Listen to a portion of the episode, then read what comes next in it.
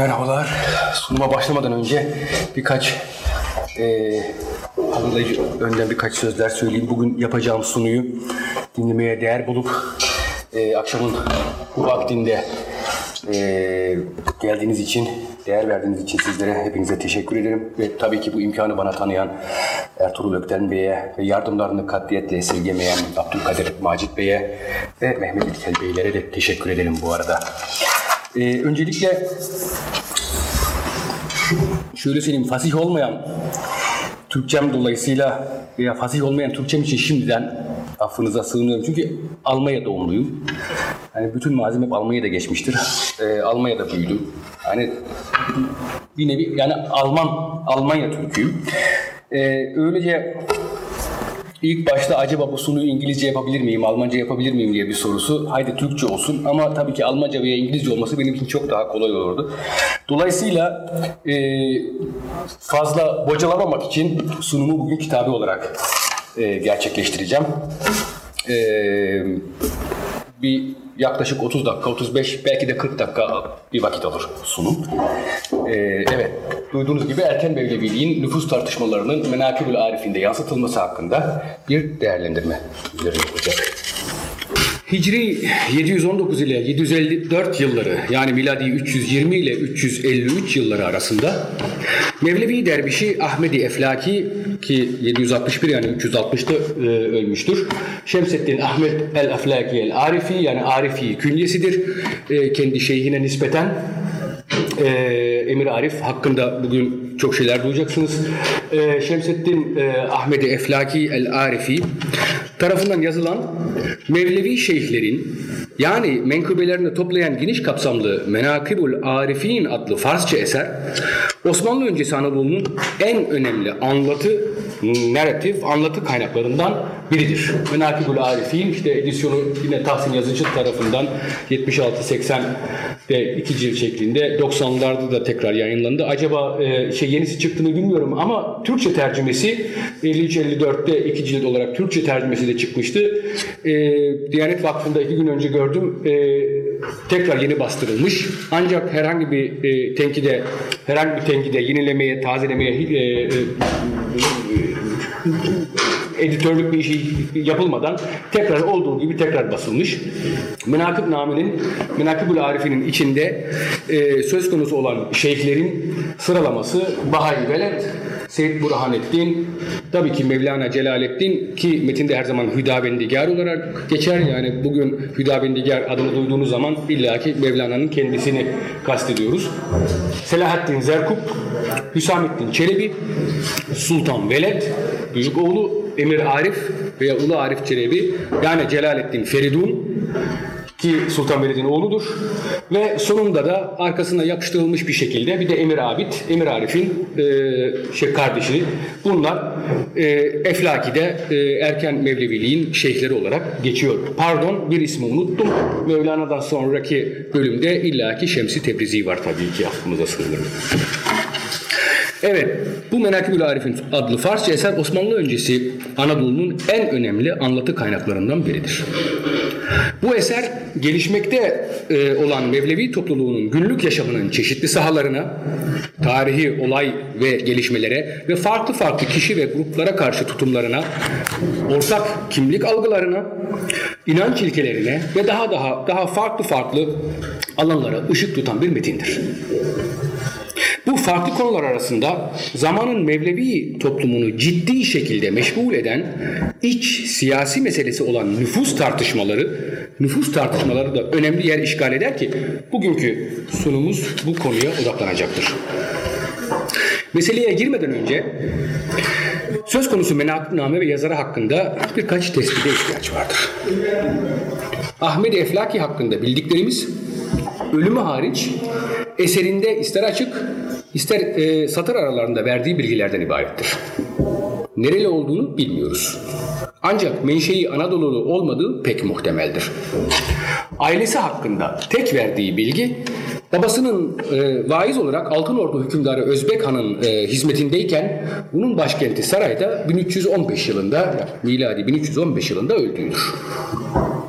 Kendisinin Anadolu'ya nereden, ne zaman ve hangi niyetle geldiğini bildirmez. Ancak ilk öğretimini Tokat'ta Muhyiddin Pervani'nin kurduğu Gök Medrese'de müderrislik yapmış olan e, ve Mevlana'ya itibar eden Hanefi fakihi Zeynüddin Abdülmumin Tokati'den aldığını söyler. Anlaşıldığına göre Eflaki bu hocası dolayısıyla Mevlevi çevrelerine girmiştir. Sonraki hocaları arasında Siracettin adını verir ki Eflaki'ye göre bu kişi terbiyesini Hüsamettin Çelebi'den almış ve Mesnevi Khan yani Mevlana'nın mesnevisini ezberlemiş biri olarak toplumun itibar sahibi olan kişiler arasındaydı. Genç Eflaki bu hocasında gördüğü dersin merkezinde Mevlana'nın eseri olduğu gayet muhtemeldir. Ancak Eflaki'nin kendisi hayatının bu erken dönemleri hakkında özellikle ne zaman Mevleviliğe tam olarak intisap ettiği hakkında somut hiçbir bilgi vermez. Bu husustaki en detaylı anlatısında yazar Emir Arif'in yazar Emir Arif'in maiyetinde 1315 yılında Sultaniye'de bulunur. Bu Emir Arif veya Ulu Arif e, Çelebi ünvanıyla meşhur Mevlana'nın Sultan Veled ve Fatıma Hatun'dan torunu olan Celaleddin Feridun babası Sultan Veled'in 1312 e, yılındaki ölümünden sonra topluluğun başına geçmiş yani Mevlevi topluluğun başına geçmiş veya Mevlevi olacak toplumun başına geçmiş ve bu pozisyonu 1320'deki ölümüne kadar elde tutmuştur. Eflaki eserinin Emir Arif'in bizzat kendisinin orada ona verdiği bir emir üzere gerçekleştiğini vurgular ve keyfiyeti şu şekilde açıklar. Metinden aktardığım zaman tabi caizse şöyle bir hareket yapacağım. Yıl 717 318 Kurban Bayramı arifesi. Mekan Sultaniye'deki Mevlevi Zaviyesi. Emir Arif bir kenara çekilmiş uyuyor, Eflaki ise okumakla meşgul. meşgul. Birdenbire şeyh başını kaldırıp dehşet verici bir şekilde bağırır ve yine uykuya dalar. Eflaki sonra şeyhim ne hikmettir diye sorduğunda şeyhi şöyle der. Atam Mevlana'nın mübarek türbesini ziyarete gitmiştim. Bir de gördüm ki Nasreddin Kettani ve Şücaettin Hannaki ki e, menakıb nameden anlaşılıyor ikisi Konya'daki toplumun içinde önemli kişilerdenler. Nasreddin Kettani ve Şücaettin Hannaki birbirlerinin yakalarını tutmuş dolaşıyorlardı. Onlara bağırdım. Nihayet birbirlerini bıraktılar. Beni orada iki erkek ve bir kadın gördü. Eflaki hemen bu olayın tarihini bir kenara yazıyor. Kendi deyimine göre. Kendi deyimine göre uğurlu Konya'ya uğurlu konuya geri döndükten sonra hem Nasreddin Kettani hem o üç şahidin Emir Arif'in o gün gerçekten kabrin başında görünüp söz konusu kavgayı bastırdığını teyit ederler. Böylece gerçekten bir kerametin vuku bulduğu ortaya çıkar. Yani tayyi mekan olayı. Emir Arif Eflaki'ye dönüp hikayemizi müritlerimize anlat da bu fakirin derecesinden bir parçacık olsun haberdar olsunlar diye buyur ve şöyle söyler. Mevlana'nın kutsal ruhunun hakkı için diyorum ki ben asla kendimi göstermeyi sevmem. Kerametler göstermek hoşuma gitmez. Fakat bazı zamanlar vaki olan bu şeycikler dostları gayb alemine ve hatalı hareketleri bilmeye teşvik etmek içindir. Zaten bizim Şeyh Eflaki daima keramet göstermemizi seviyor ve bunları bir yerlere yazıyor. Eflaki burada daha Emir Arif'in teşviki olmadan onun kerametlerini yazıp topladığını belirttiği gibi şeyhinin aslında bu durumu ihtiraslı müridine ait bir alışkanlık olarak umursamayıp önemsemediğini ve işlediği kerametlerin kendisi için ancak bayağı olduğunu vurgular. Bu anlatıya göre şey ancak müritlerine karşı duyduğu yükümlülüğüne icap ederek Eflaki'yi olağanüstü hallerinin öğreti amacıyla ve zayıflar için kendisinin Allah dostluğunun ispatı için bir eserde toplamasıyla görevlendirir.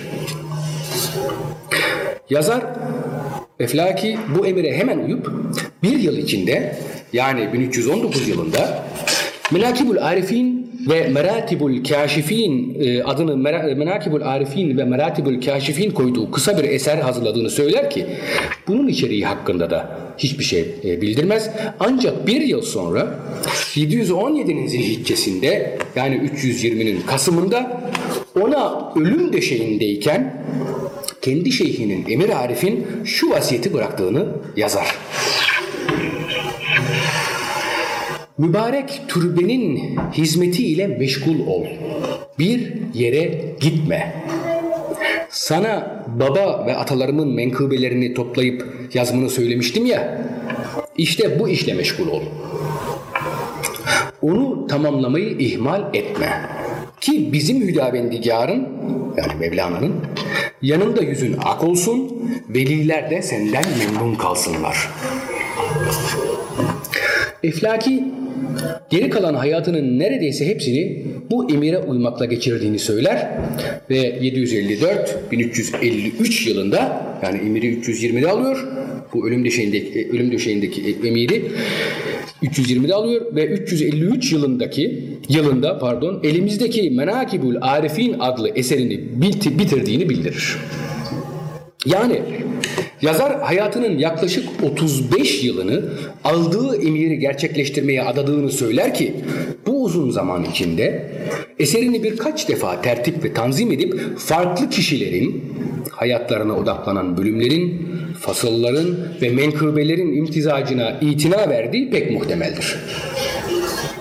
Ancak burada göze batan bir şey var. Eflaki şeyhinden aktardığı vasiyet ile okuyucuda kendi çalışmasının, kendi eserinin Mevlevi şeyhlerin menkıbelerini toplayan yegane olduğu eser, yegane eser olduğu izlenimini uyandırır. Halbuki hem Sultan Veled'in 1291 tarihinde telif edilen İptidanamesi hem muhtemelen 1319 yılında hazırlanan Feridun Sipehsalar'ın meşhur risalesi bu hususta Eflaki'nin de dayandığı öncü eserlerdir. Fakat Eflaki bu metinlerden faydalandığından hiçbir yerde söz etmez, onlara sarih bir şekilde hiçbir yerde atıfta bulunmaz. Adları geçmez. Bunun nedenini yazarın kendine e, olan güvencesinde aramaktan ziyade eserin gayesinde görmek gerekir. Bu gayelerin belki en önemlisi Mevlana'nın torunu Emir Arif'in ve dolayısıyla onun haleflerinin gelişen Mevlevi tarikatın mutlak merkezi otorite olma davasını destekleyip meşrulaştırmaktı ki eser hem Mevlana torunlarının bu hususta engellerle karıştıklarına hem kendisinin bu hususta bir araç olarak tasarlandığına, tasarlandığına dair bazı emareler gösterir. Eflaki'nin özellikle Sipahselar Risalesinden hiç bahsetmemesi bu arka plan önünde mana kazanır. Bence. Feridun Sipahselar Risalesi'nin matbu versiyonunda Sultan Veled ve oğulları Emir Arif ve Emir Abidlere toplam 7 sayfa ayrılmıştır. Oysa kutsal hanedana yani hanedan mübarek kutsal hanedana mensup olmayan Mevlana'nın halefleri Selahaddin Zerkub ve Hüsamettin Çelebilere yedişer sayfa ayrılmıştır. Feridun Sipahsalar Risalesi'nde. İflaki'nin eserinde ise Emir Arif bölümü Mevlana'nınkinden sonra en uzun bölüm olmasıyla beraber Selahaddin Zerkub, Hüsamettin Çelebi ve Sultan Veled fasıllarının fasıllarının toplamından daha fazla yer işgal eder. Daha geniştir, daha anlatımlıdır. Bu dış keyfiyet bile Menakibül Arif'in Mevlevi toplumunun içine yönelik bir propaganda eseri mahiyeti taşıdığı ihtimalini kuvvetlendirir. İçerik itibariyle bu nitelik daha da aydınlık kazanır. Eflaki'nin şeyhinden aldığı yukarıda sözü geçen emirleri aktardığında Emir Arif'in müritlerin irşadından başka hiçbir amacı olmamasıyla beraber neredeyse kendi ululuğunu öne sürmeyen biri olarak vasıflandırılır. Doğrusu bu tespit Eflaki'nin tanıttığı Emir Arif'e hiç de uymuyor. Menakibül Arifi'nin çizdiği imaja göre Emir Arif kendi öneminden gayet emin, her türlü sorgulamaya, her türlü her türlü sorgulamaya, özellikle şaraba olan düşkünlüğünü eleştiriye hiç de tahammülü olmayan gayet dik başlı bir kişiydi. Eflaki'ye göre. Abdülbaki Gölpınarlı'nın da zamanında altını çizdiği gibi fazlasıyla titiz, ziyadesiyle hiddetli, pek sabırsız olan bu kişinin katıldığı hemen her mecliste vaka çıkar. Bulunduğu her yerde ille de bir hadise patlak verir. Üstelik Eflaki'ye bakacak olursak Emir Arif hemen hemen her uyuşmazlığı, her olumsuz karşılamayı, her kınamayı ve hatta hatta her itaatsizliği ceza nitelikli kerametlerle cevaplandırır. En iyi ihtimalde mağdur kişi aşağılanır, itibarı telafisi olmaz şekilde beş paralık edilip ağzı kapatılır. Çoğu zaman ise ani ve şiddetli bir hastalıkla ve nihai ölümle cezalandırılır. Eflaki, Şeyhi Emir Arif'in gösterdiği kerametlerin bu nitelikte olmasının sebebini başka bir yerde yani Menakibül Arif'inin Menakibül Arif'inde şöyle açıklar. Bütün peygamberler ve veliler mucize ve keramet göstermek için değil, temiz insanları davet ve onlara merhamet etmek için toprak alemine gelmişlerdir. Hatta onlar şöhretin afetinden daima kaçmaya çalışırlar. Fakat ara sıra bedbahtların inkarlarının uğursuzluğu sebebiyle kerametler ve olağanüstü şeyler gösterirler ki başkaları ibret alsınlar ve bir daha böyle bir harekette bulunmasınlar. Veliler alemine rağbet göstersinler ve o din sultanının tebası olsunlar.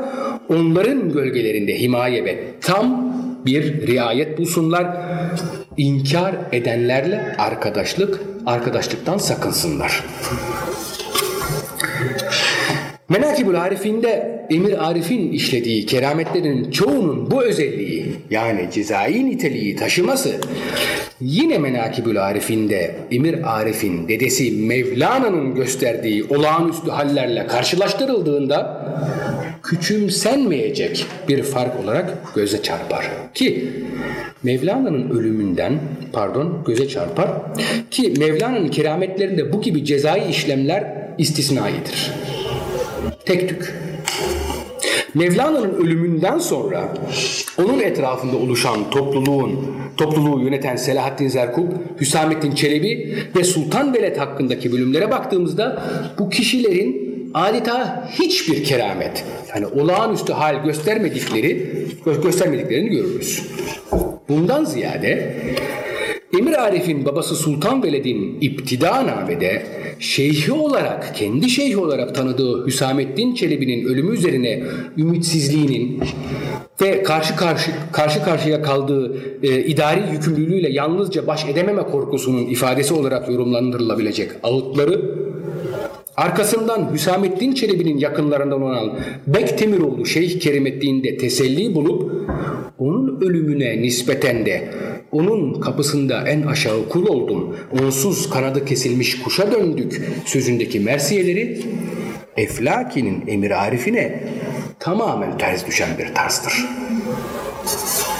Aksine Menakibül Arif'inin bize tanıttığı bu Mevlana torunu yukarıda belirttiğimiz gibi müthiş özgüven sahibi ve başına buyruk bir kişi olmakla beraber tarikatın şumul ve etkisini genişletip topluluğun yapısını pekiştiren bir kişiydi. Bu son durum Emir Arif'in en önemli vasfı olmakla beraber kuşkusuz babası Sultan Velid'in temelini atıp miras olarak bıraktığı erken Mevleviliğin teşkilatlanışı ve yayılması sürecinin bir devamıdır. Sultan Veled şüphesiz Selahaddin Zerkub ve Hüsamettin Çelebilerin ölümlerinden sonra Mevlana'nın etrafında oluşan topluluğun liderliğini eline alıp farklı belde ve şehirlere Mevlevi şehirlerde Mevlevi hanelerin tesis edilmesini başarıp bu zaviyelere halifelerin yerleştirilmesiyle birlikte bu topluluğun daha sıkı bir intizama girip zamanla usturuplu bir tarikat şeklini almasının temelini atan kişidir.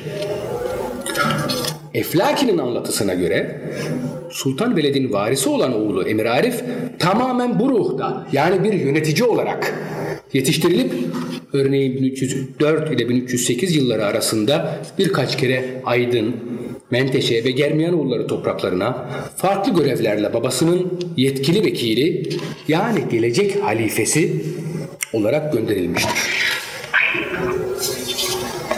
Dolayısıyla Emir Arif ister babasının emriyle yani Sultan Veled emriyle ister sonradan kendi inisiyatifiyle ister sonradan kendi inisiyatifiyle Eflaki'nin bildirisine göre Aksaray, Akşehir, Beyşehir, Karahisar, Karaman, Alayi, Niğde, Amasya, Sivas, Tokat, Bayburt, Erzurum, Tebriz, Merendi ve Sultaniye'yi kapsayan geniş bir coğrafyayı gezip başarıyla gelişen tarikatın nüfuzunu genişletip güvence altına almakla uğraşmıştır. Eflaki, şeyhinin İlhan Ölceytül'ün başkenti olan Sultaniye'ye ilk gidişine ilişkin anlatısında Emir Arif'in bu seferi babası zamanında Doğu Anadolu'ya yerleşen zaviyelerin teftişi ve kendi otoritesinin tahkimi için bir fırsat olarak kullandığı izlenimini uyandırır.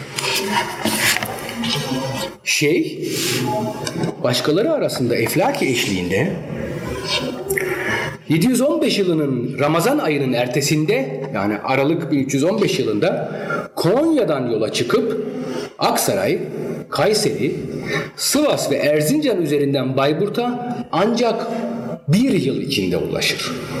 Bir yıl bu yol bir yılını alıyor. Bir yıl içinde ulaşır ve 716 yılının Ramazanının bir müddetini Mevlevilerin yerel temsilcisi olan Ahi Emir Ahmet nam kişinin zaviyesinde geçirir.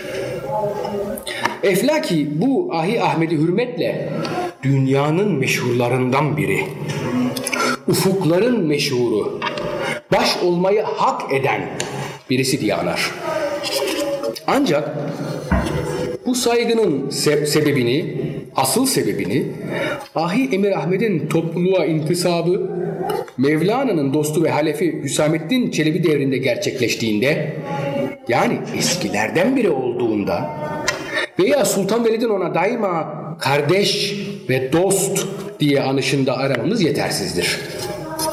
Çünkü Eflaki itina ederek onun Ahi Ahmet'in bu teftiş gezisi esnasında kusursuz itaat gösterip yeniden yeniden ve tam bir doğrulukla Çelebi Arif Hazretlerinin müridi olup bütün çocuklarını ve dostlarını o sultanının yani Emir Arif'in müridi yaptığını vurgular ve ancak bu tespitin akibinde akabinde en önemlisi olarak halifelerin örneği övgüsünü yakıştırır. Ahi Emir Ahmet'le ilişkili anlatının bu merkezi ifadesi Eflaki'nin eserindeki ister Mevlana, ister Şemsi Tebriz, Şeyh Selahaddin, Hüsamettin Çelebi veya Sultan Beled fasıllarıyla değil, ancak Emir Arif bölümüyle önem kazanır.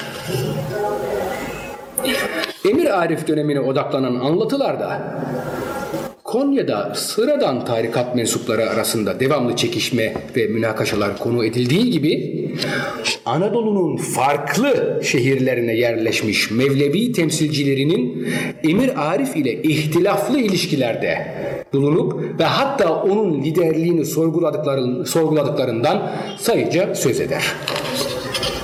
Bolca söz eder. Başka bir deyimle Menakibul Arif'inde yer yer bu Mevlana torununun Konya dışı Mevlevi topluluğunun farklı temsilcileri tarafından kendisinin merkezi otorite olma iddiasına karşı çıkıldığına dair imalar bulunur.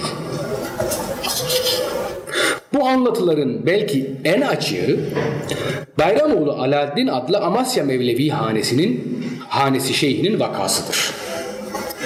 Bu Alaaddin terbiyesini ve icazeti Hüsamettin Çelebi'den almış.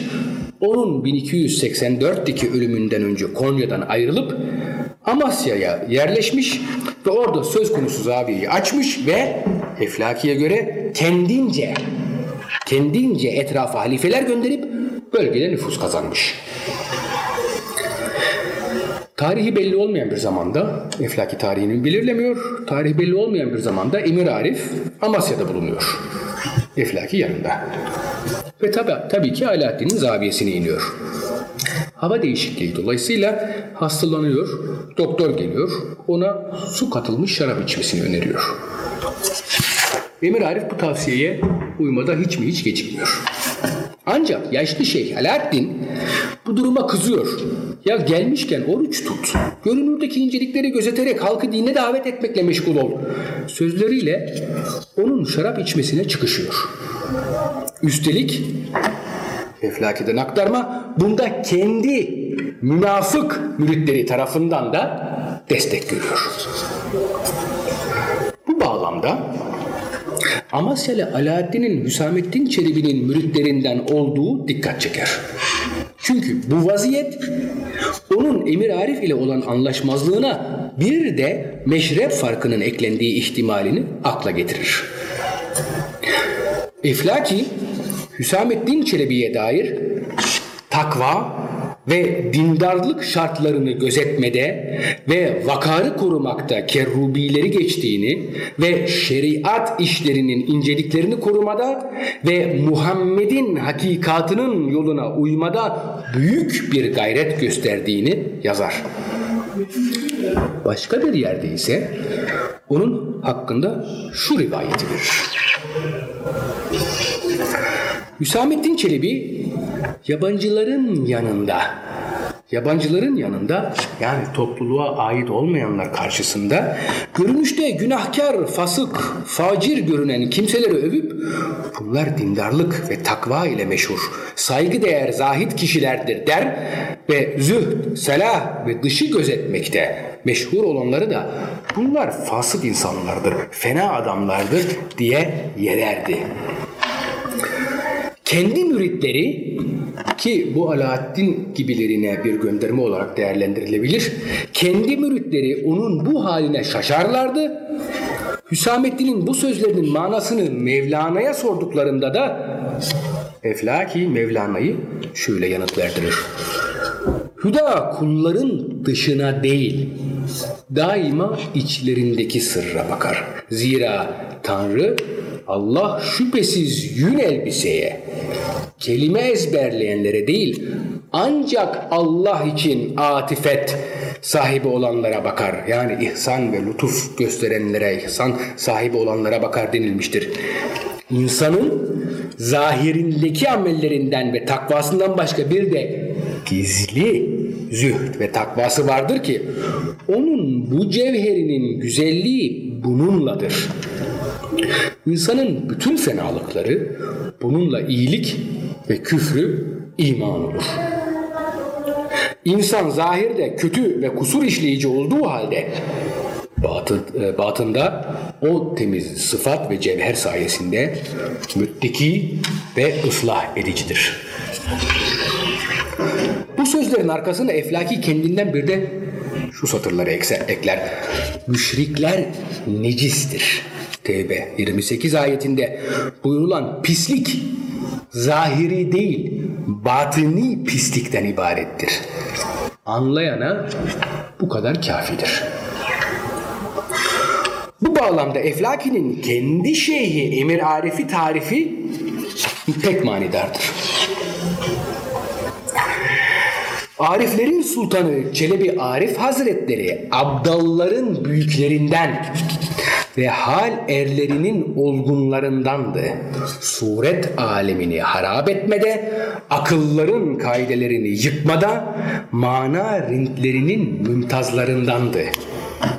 Daima ancak dış görünüşlere dikkat edenlerin adetlerinin ihlaline çalışır, mana alemine ait olmayan mana alemine namahrem olanların gözlerinden cem kadehinin cübbesi altında ve istirak çanağı perdesi arkasındaki vecdini ve mana hallerini gizlerdi. Hatta görenlerin gözlerini bile bağlar, görünebilenleri onların gözlerine göründürmez, kendisini de celil olanın gerdek odasında gizlerdi. Nitekim bu hususta böyle buyurmuştur şeyh. Eğer senin yolunda namahremler varsa yani sırra vakıf olmayanlar varsa şarap kadehinden bir perde yapabilirsin. Bu sözlerle Eflaki Amasyalı Alaaddin'le olan tartışmanın nedeni şarabın tedavi nitelikle içilişi değil, Emir Arif'in şer'i kanunlara, özellikle içki yasağına karşı lakayt tavrının bir esas olduğunu vurgular.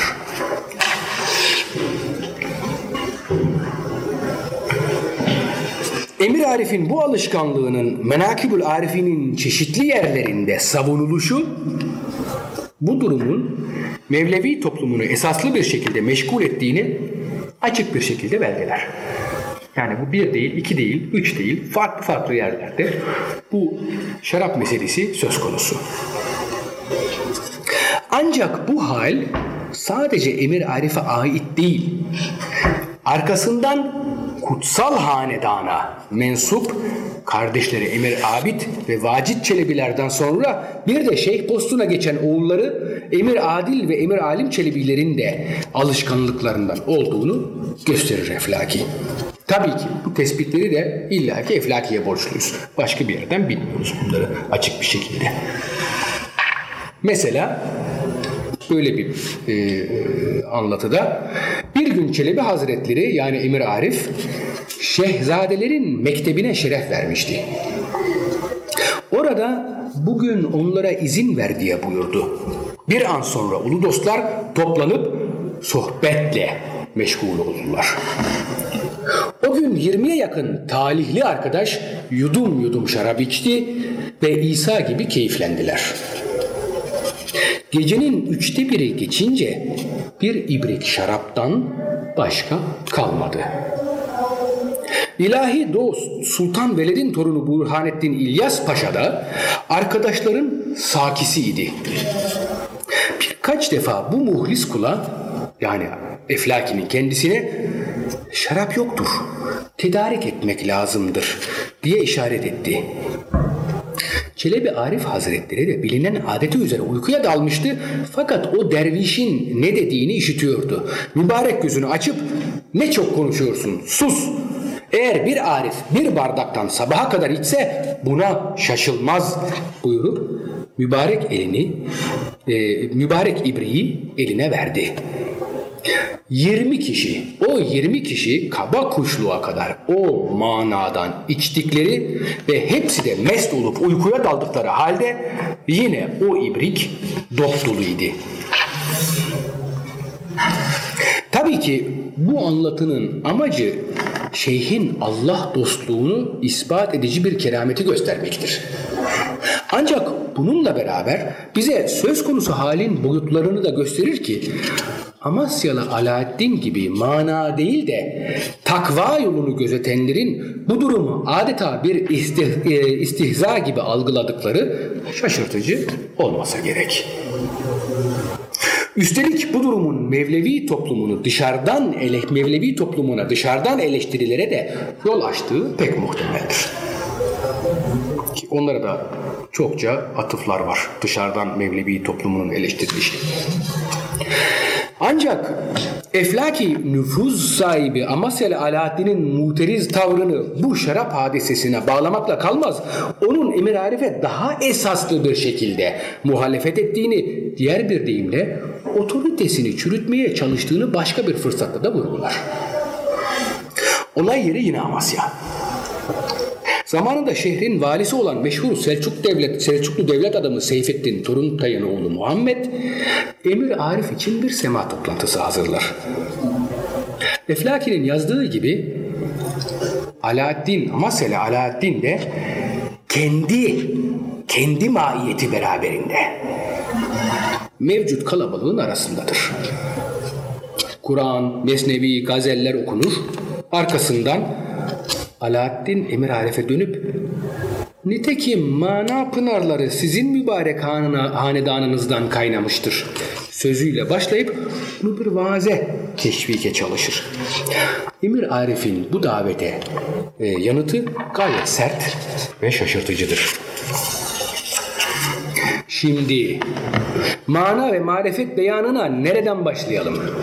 Kendi hal ve makamlarımızdan mı yoksa sizin hal ve makamlarınızdan mı? Eğer ben kendi hallerimden haber vermeye kalkarsam siz ve sizin benzerlerinizin orada hiç işi yoktur. Küçük bir kuş şerefli olan hüma ile, hüma ile arkadaşlık edemez ve hümaların hüviyet havasında da uçamaz. Eğer senin hal ve mertebeni açıklamaya başlarsam bu benim hal ve makamıma nispetle pek aşağı ve gayet dun düşer. Halbuki benim yüksek bir makamdan aşağıya inmem doğru olmaz.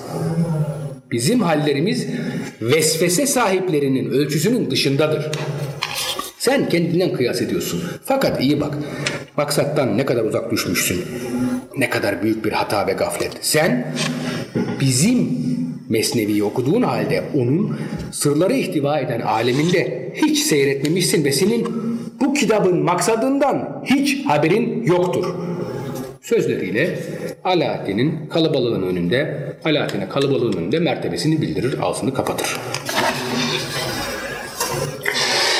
Eflaki her ne kadar Alaaddin'in talebini niyaz yoluyla ve ancak ulu kişilerin faydalanması için ileri sürdüğünü de yazsa, bu kıssayla kuşkusuz iki kişi arasında ciddi bir çelişkinin geliştiğini ve bu ihtilafın bu vesileyle doruğa ulaştığını belirtip kıssanın sonunda ilginç bir vakadan haber verir. Emir Arif'in maiyetiyle Amasya'yı terk edişinin akabinde bu Alaaddin'in zaviyesinde yangın çıkar. Böylece bu büyük Eflaki'nin sözleriyle bu büyük adamın devlet ve şevketi zillete döndü ve onun tarafını tutanlardan kısa bir zamanda hiçbir kimse kalmadı. O ulu kişi yani Alaaddin bütün adamları ile öyle öyle yok olup gitti ki dünyaya hiç gelmemişe döndü.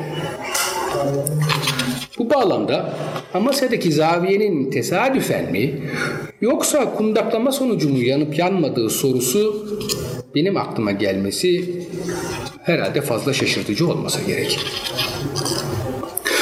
Burada önemli olan menakıbnameyi hazırlayan ve Emir Arif'in en yakın çevresinden olan Eflaki, kendi şeyhiyle Mevleviliğin söz konusu bölge temsilcisinin yani Alaaddin'in arasındaki tartışmaların içeriklerini kelime kelimesine veya olayları olduğu gibi tam olarak olduğu gibi verip vermediği değil, Emir Arif'in Konya'da şeyh tahtına ki Eflaki her zaman tahttan konuşur, posttan konuşmaz. Emir Arif'in Konya'da şeyh tahtına geçmesiyle dönemi Mevlevi çevresinde otorite ve biat konuları hakkında ortaya çıkan ciddi uyuşmazlıklar dolayısıyla bu meselelerin Mevlevi topluluğunu eserin yazıldığı devirde de hala meşgul ettiğini yansıtmasıdır. Bu olayları yansıtıyor. Olayları da değil de bu durumları yansıtıyor. Bu bağlamda Eflaki'nin bu kıssayı açık bir şekilde iç disiplini koruyacak, iç disiplini korumaya yarayan bir nasihatle bildirmesiyle anlam kazanır. Bizim bu hisseden, bu kıssadan, bizim bu kıssadan Alaaddin kıssasından hissemiz şudur. Tanrı erleri ile pençeleşmek ve onlara karşı koymak, kendi küçük hali ile gururlanmak ve istina göstermek doğru değildir. Daima işin sonundan ve ömrün fena bir akıbetle neticelenmesinden korkmak ve kulların Rabbi olan Tanrı'dan her an yardım istemek lazımdır. Suretle doğru yola girmişlerin, doğru yola girmişlerin inayetlerinden feyz alarak ahiret azığını hazırlamakla meşgul olmak ve daima Allah'tan tevfik istemek, bu tevfiki de onların himmetinden bilmek gerekir. Tanrı erlerinin inayeti olmadan hiç kimsenin o hatalara düşmek tehlikesinden kurtulma ümidi yoktur. Onların aman ve düsturları olmadan hiçbir salik imanını kurtaramaz. Kurtaramamıştır, kurtaramaz. Burada Tanrı erlerinin kim olduğu belli. Mevlana'nın diğer halifeleri değil. Sultan Veled'den olan zürriyeti yani Emir Arif ve onun halefleri. Her ne olursa olsun eflaki emir arife riayet etmeyen başka itaatsiz halifelerden de bahseder. Bunlar arasında Sultan Veled devrinde Denizli'de Mevleviliği yerleştiren Kadı Necmettin adını verir. Bu kişinin Mevlana Hanedanı'nın halifelerinin ileri gelenlerinden olduğunu ve Ladik vilayetini kendi kendi velayeti ile elde edip çok hizmetlerde bulunduğunu kaydeder Eflaki. Ancak bunun hemen ardından onun varlık ve mansıp gururundan Emir Arif'e isyanı başladığını ve böylece bu kadar yıllık hukuku kaybettiğini yazıp olayı şu şekilde izah eder.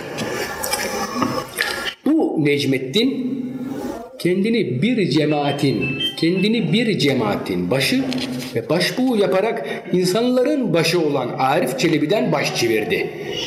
Kendi reisliği ile mağrur olup bu hakiki reisten uzak kaldı. Dostlar iki kısma ayrıldı ve aralarında soğukluk hasıl oldu. Bir kısım onun tarafını tutuyor, şehrin bazı itibarlı kişilik kişileriyle talihli dostlar ise Çelebi Hazretlerinin taraftarlığını yapıyorlardı. Eflaki burada yine açıkça tıpkı Amasya'da olduğu gibi eski kuşağın yani Emir Arif öncesi Hüsamettin Çelebi ve Sultan Veled devrinde Mevleviliği Konya dışına taşıyıp yerleştiren tecrübeli ve nüfus sahibi idari güçlerin bir temsilcisinin genç şeyhin mutlak yetki ve önderlik iddiasına karşı koyduğunu, bunda yine kendi mahiyetlerinden destek görüp dolayısıyla Ladik'teki Mevlevi cemiyetinin ciddi bir buhran yaşadığını vurgular. Neticede bu rakibinde başta altı çizildiği gibi şeyhin öfkesiyle bir hastalığa kapılıp öldüğünü yani cezalandırılmış olduğunu tahmin etmek güç değildir. Menakıbname türünün bir kuralı. Bu özellikle bu menakıbnamenin kuralıdır. Önemli olan Emir Arif'in karşılaştığı mukavemeti bu sefer başka bir yöntemle bastırmasıdır. Eflaki'ye göre Çelebi Hazretleri işin sırrına vakıf olduğu için halifelerin sultanı olan Mevlana, halifelerin sultanı olan Mevlana Kemalettin, Mevlana Muhittin ve Mesnevi Han Taceddin'i önüne çağırıp halifeliğe tayin edip icazet verir bu üç kişiye. Şehrin bütün uluları onlara uyarak kul ve mürit oldular ve yeni bir zaviye yapıp bilinen mukabele ve semaya başladılar. Eski zaviye duruyor hala. Yeni bir zaviye kuruluyor. Bu anlatı üç bakımdan dikkate şayandır. Sonuncusundan başladığımızda Emir Arif'in Denizli meselesini Gordiyon düğümünü çözercesine bitirmesidir.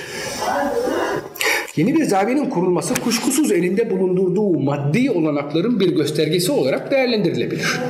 Böyle kolay kolay yeni bir bina inşa ediliyor. Onu bir yana bırakalım. Ancak bundan ziyade işte bu durumun Kadı Necmettin'in başında olduğu yerleşmiş toplumun Emir Arif'in iddiasına karşı dirence gücünü gösterir. Ve Konyalı Şeyh'in yani Emir Arif'in bu grubu kendi bünyesinde eritememe ikrarının bir beyinesi olarak da yorumlanabilir. Diğer noktalara gelince İflaki Emir Arif'in işin sırrına vakıf bir yorumla siyasete ehil olduğunun altını çizmesidir. Bu ise şeyhini iyi tanıyan Eflaki'nin Emir Arif'in adımlarını önceden tasarladığı bir plana göre attığına gönderme olarak okunulabilir. Öbür taraftan Emir Arif Denizli'de Necmettin'in etkisini kırmak için karşısına bir değil üç vekil yerleştirir. Eflaki bu durumu dediğim gibi şeyhin siyasi yeteneğinin bir göstergesi olarak işler. Halbuki burada doğrudan böl ve yönet prensibinin uygulanışı, uygulanışı uygulandığından uygulandığının altının çizilmesi Denizli'deki keyfiyetin gerginliğini göstermeye bir yana Emir Arif'in bu hususta kendi planına göre gereken işlemleri uygulayacak güvenilir tek bir kişiye, tek bir adama dayanamayıp birbirini kontrol edecek üç kişi, üç kişiyi atama ihtiyacını duyduğunu Dolayısıyla bu kararın Ladik'teki bu kararın zaruret icabı bir adım olduğunu gösterir bence. Denizli olayları anlatısının bu mahiyeti Aksaray'daki bir gelişmeyle karşılaştırıldığında daha çok aydınlık kazanır. Burada Emir Arif yine yeni bir halifeye ihtiyaç duyar. Ve Şeyh Ali adında mesleği muhtemelen aşçılık olan birini tayin eder. Eflaki Emir Arif'in bu kişiyi babası Sultan Veled'in müritleri arasından seçtiğinin altını çizer. Vasfı olarak ise onun ancak gece gündüz hizmetle meşgul olup nefis yemekler pişirdiğinden başka hiçbir özelliğinden bahsetmez. Bu durum Emir Arif'in halife adaylarını seçerken onların din meselelerindeki bilir kişiliklerinden, teşkilatçılıklarından veya idareci yeteneklerinden ziyade merkez otoriteye yani kendisine gösterdikleri itaat ve sadakata önem verdiğine bir işaret olarak yorumlanabilir.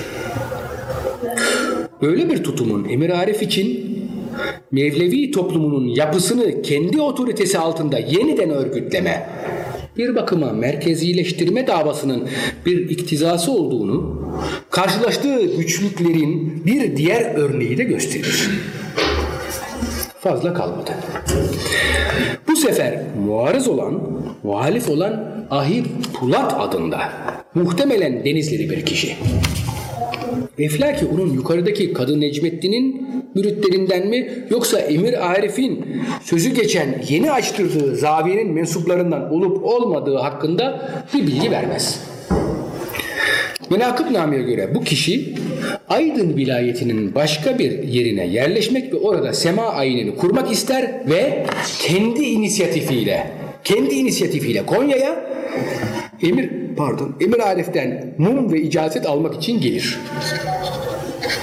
Şeyh Emir Arif Ahi Pulat'ın bu ısrarlı talebini onun karşısında Eflaki'nin yazdığı gibi onun karşısında küstahlık ederek edepsizce konuştuğu halde reddetmez.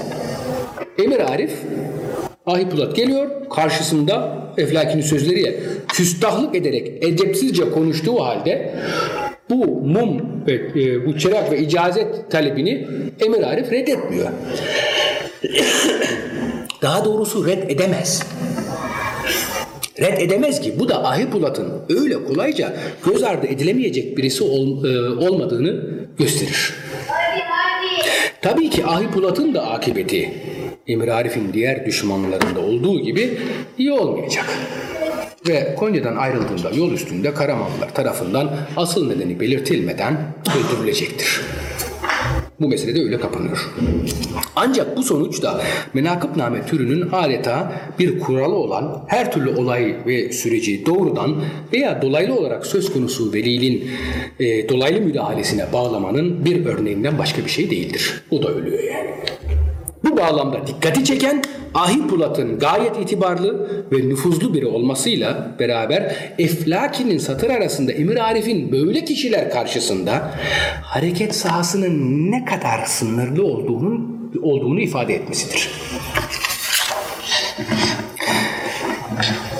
Eflaki Emir Arif'in otoritesine meydan okurcasına davrananlar arasında bir de Konyalı bir berberin oğlu olan Beyşehirli Hüsamettin vakasını verir. Ki bu kişinin, bu kişi şeyhin karşısında kendini üstün görme hali içinde diğer dervişleri ölümle tehdit eder. Bilhassa Eflaki'nin kendisini. Şeyh yani Emir Arif ona haddini bildirip basiret gözüyle yakında kendisinin öleceğini söyler.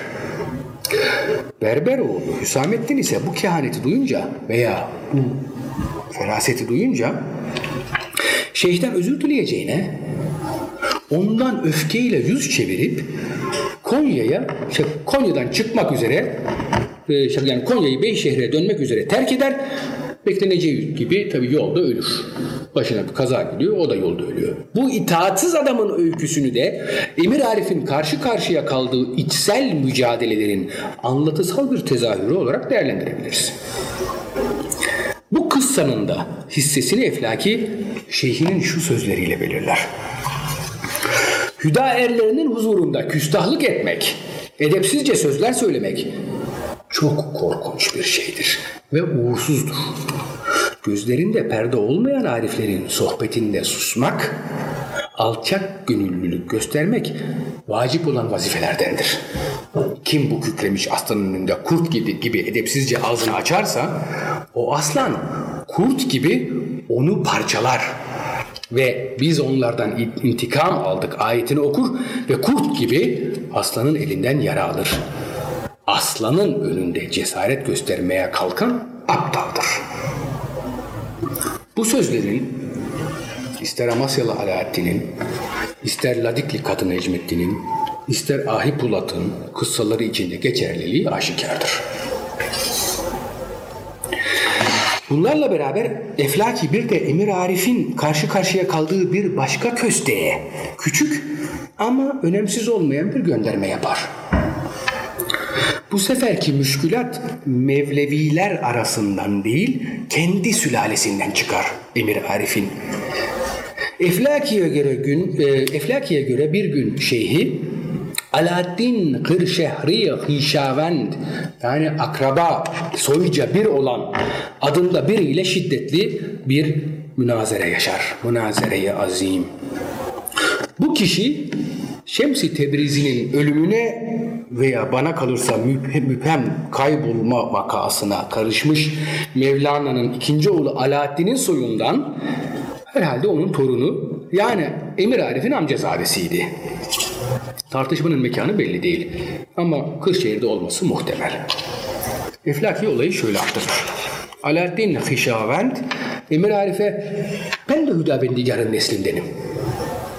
Bana niçin yabancı nazarıyla bakıyorsun? Hiç iltifat etmiyorsun. Bana hiç kıymet vermiyorsun. Bir babanın kabahati sebebiyle oğluna riayetsizlikte bulunmak doğru değildir diye çıkışır. Bunun üzerine Emir Arif, senin Mevlana Hazretleri ile hiçbir ilgin yoktur. Senin bu hanedanla olan ilgin vücuttan kesilip atılan ölü bir uzuv gibidir.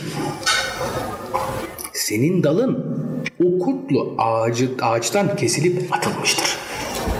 Sizin gibiler hakkında o senin ailenden değildir. Çünkü onun ameli iyi değildir. Yani Hud 46 ayeti nazil olmuştur. Der arkasından şu şiiri ekler. Hüda bize şarap verdi. Sana da sirke. Madem ki kısmet böyle, bizim sizin sizinle ne cengimiz olur? Bunun üzerine Alaaddin sen kimsin bana bilgi satıyor kendini benden üstün tutuyorsun dedi. Emir Arif de ben Mevlana'nın kılıcıyım. Ben şimşiri Mevlana'm dedi. Alaaddin de hayır sen kılıç değilsin uğursuz aslansın. Ney? Şum şiiri dedi. Arif Çelebi hayır ben üçüncü aslanım dedi. Ney? Sen vur şiiri. Bunun üzerine Alaaddin cevap vermekten aciz kalır. Arkasını döner, kaçıp gider. Burada yine Mevlana kutunun Mevlana'nın kutunun özel kutu Mevlana kutunun hanedan meselesine yani karizmanın Mevlana Sultan Veled Emir Arif zinciriyle babadan oğula geçen bir mirasa dönüştürüldüğünü görürüz ki bu sefer rakip hane dışında değil Mevlana'nın has zürriyetindendir. Emir Arif'in kendini veya Eflaki'nin şeyhini burada üçüncü arslan olarak nite- nitelendirmesi önderlik hüviyetinin Mevlana Hanedanı'nın sadece Sultan Veled koluna miras olduğunu açık ve hararetli olduğunun açık ve hararetli bir vurgusudur. Sonuç olarak Emir Arif'in müridi olan Eflaki'nin Menakibul Arifin adlı eseri kuşkusuz bize Sultan Veled'in temelini attığı Mevlevi tarikatının gelişme ve yayılmasının onun ölümünden sonra da başarılı ve aralıksız bir şekilde devam ettiğini gösterir. Temeli Sultan Veled at- atıyor ve bu e, süreç devam ediyor başarılı bir şekilde. Bunun yanında Diğerleri arasında yukarısı yukarıda bahsi geçen daha farklı farklı anlatılar var. Yukarıda bahsi geçen anlatılarla bu erken süreç içinde Sultan Veled'in oğlu Emir Arif'in toplumu tekelden yönetime bağlama yani idareyi soy haline getirmeyle Sultan Veled'in zürriyetini üstünlüğü tartışılmayan rakipsiz merkezi güç olarak yerleştirme teşebbüsünün karşılaştığı farklı muhalefetleri gösterir. Eflaki Emir Arif dönemine gelmeden önce herhangi bir merkez kaç kuvvetin belirtisinden veya toplumun farklı yerel temsilcilerinin yani halifelerin herhangi bir özellik çabalarından veya Mevlana'nın başka evlatlarının topluluğun idaresinde pay iddialarından bahsetmez. Menakibul Arif'inden anlaşıldığı gibi Emir Arif babasının ölümünden sonra ortaya çıkan bu farklı muhalif güçlerin muhtariyet çabalarını ve Mevlana'nın kut'una iştirak iddialarını farklı yöntemlerle baltalamayı ve istikrarlı bir şekilde genişleyen Mevlevi teşkilatını doğrudan Konya merkezine bağlamayı başarmıştır. Böylece her ne kadar Sultan Veled Mevlevi tarikatının kurucusu olarak sayılsa da Menakibul Arifinin emir Arifi gözümüzde ilahi kutu Mevlana oğlu Sultan Veled'in soyunun elinde tekelleştiren ve kutsal hanedan mefkuresini başarıyla kuvveden fiile çıkaran bir siyasi figür olarak canlanır. Eflaki menkıbecilik görevini kuşkusuz üstadane bir şekilde yerine getirmiştir. Ancak yukarıda bahse geçen anlatılar göz önünde bulundurduğumuzda bu eseri yazarın şeyhinden aktardığı emire göre onun baba ve atalarının menkıbelerini bir araya getirmekten ziyade veya Ahmet Yaşar Ocağ'ın sözleriyle onların veliliğini ispat edici kerametleri toplayan bir kitap olmaktan ziyade Emir Arif'in kendinden sonra merkez şeyhin postuna geçecek kardeş ve oğullarına adeta bir siyasi vasiyetname olarak yazılması yazıldığı değerlendirmeyi öne sürebiliriz bugün. Her ne olursa olsun bu sıra dışı geniş kapsamlı eser Mevlevilerin istikrarlı ve muhkem bir toplumsal hafızasının oluşmasına şüphesiz önemli ölçüde katkıda bulunmuştur.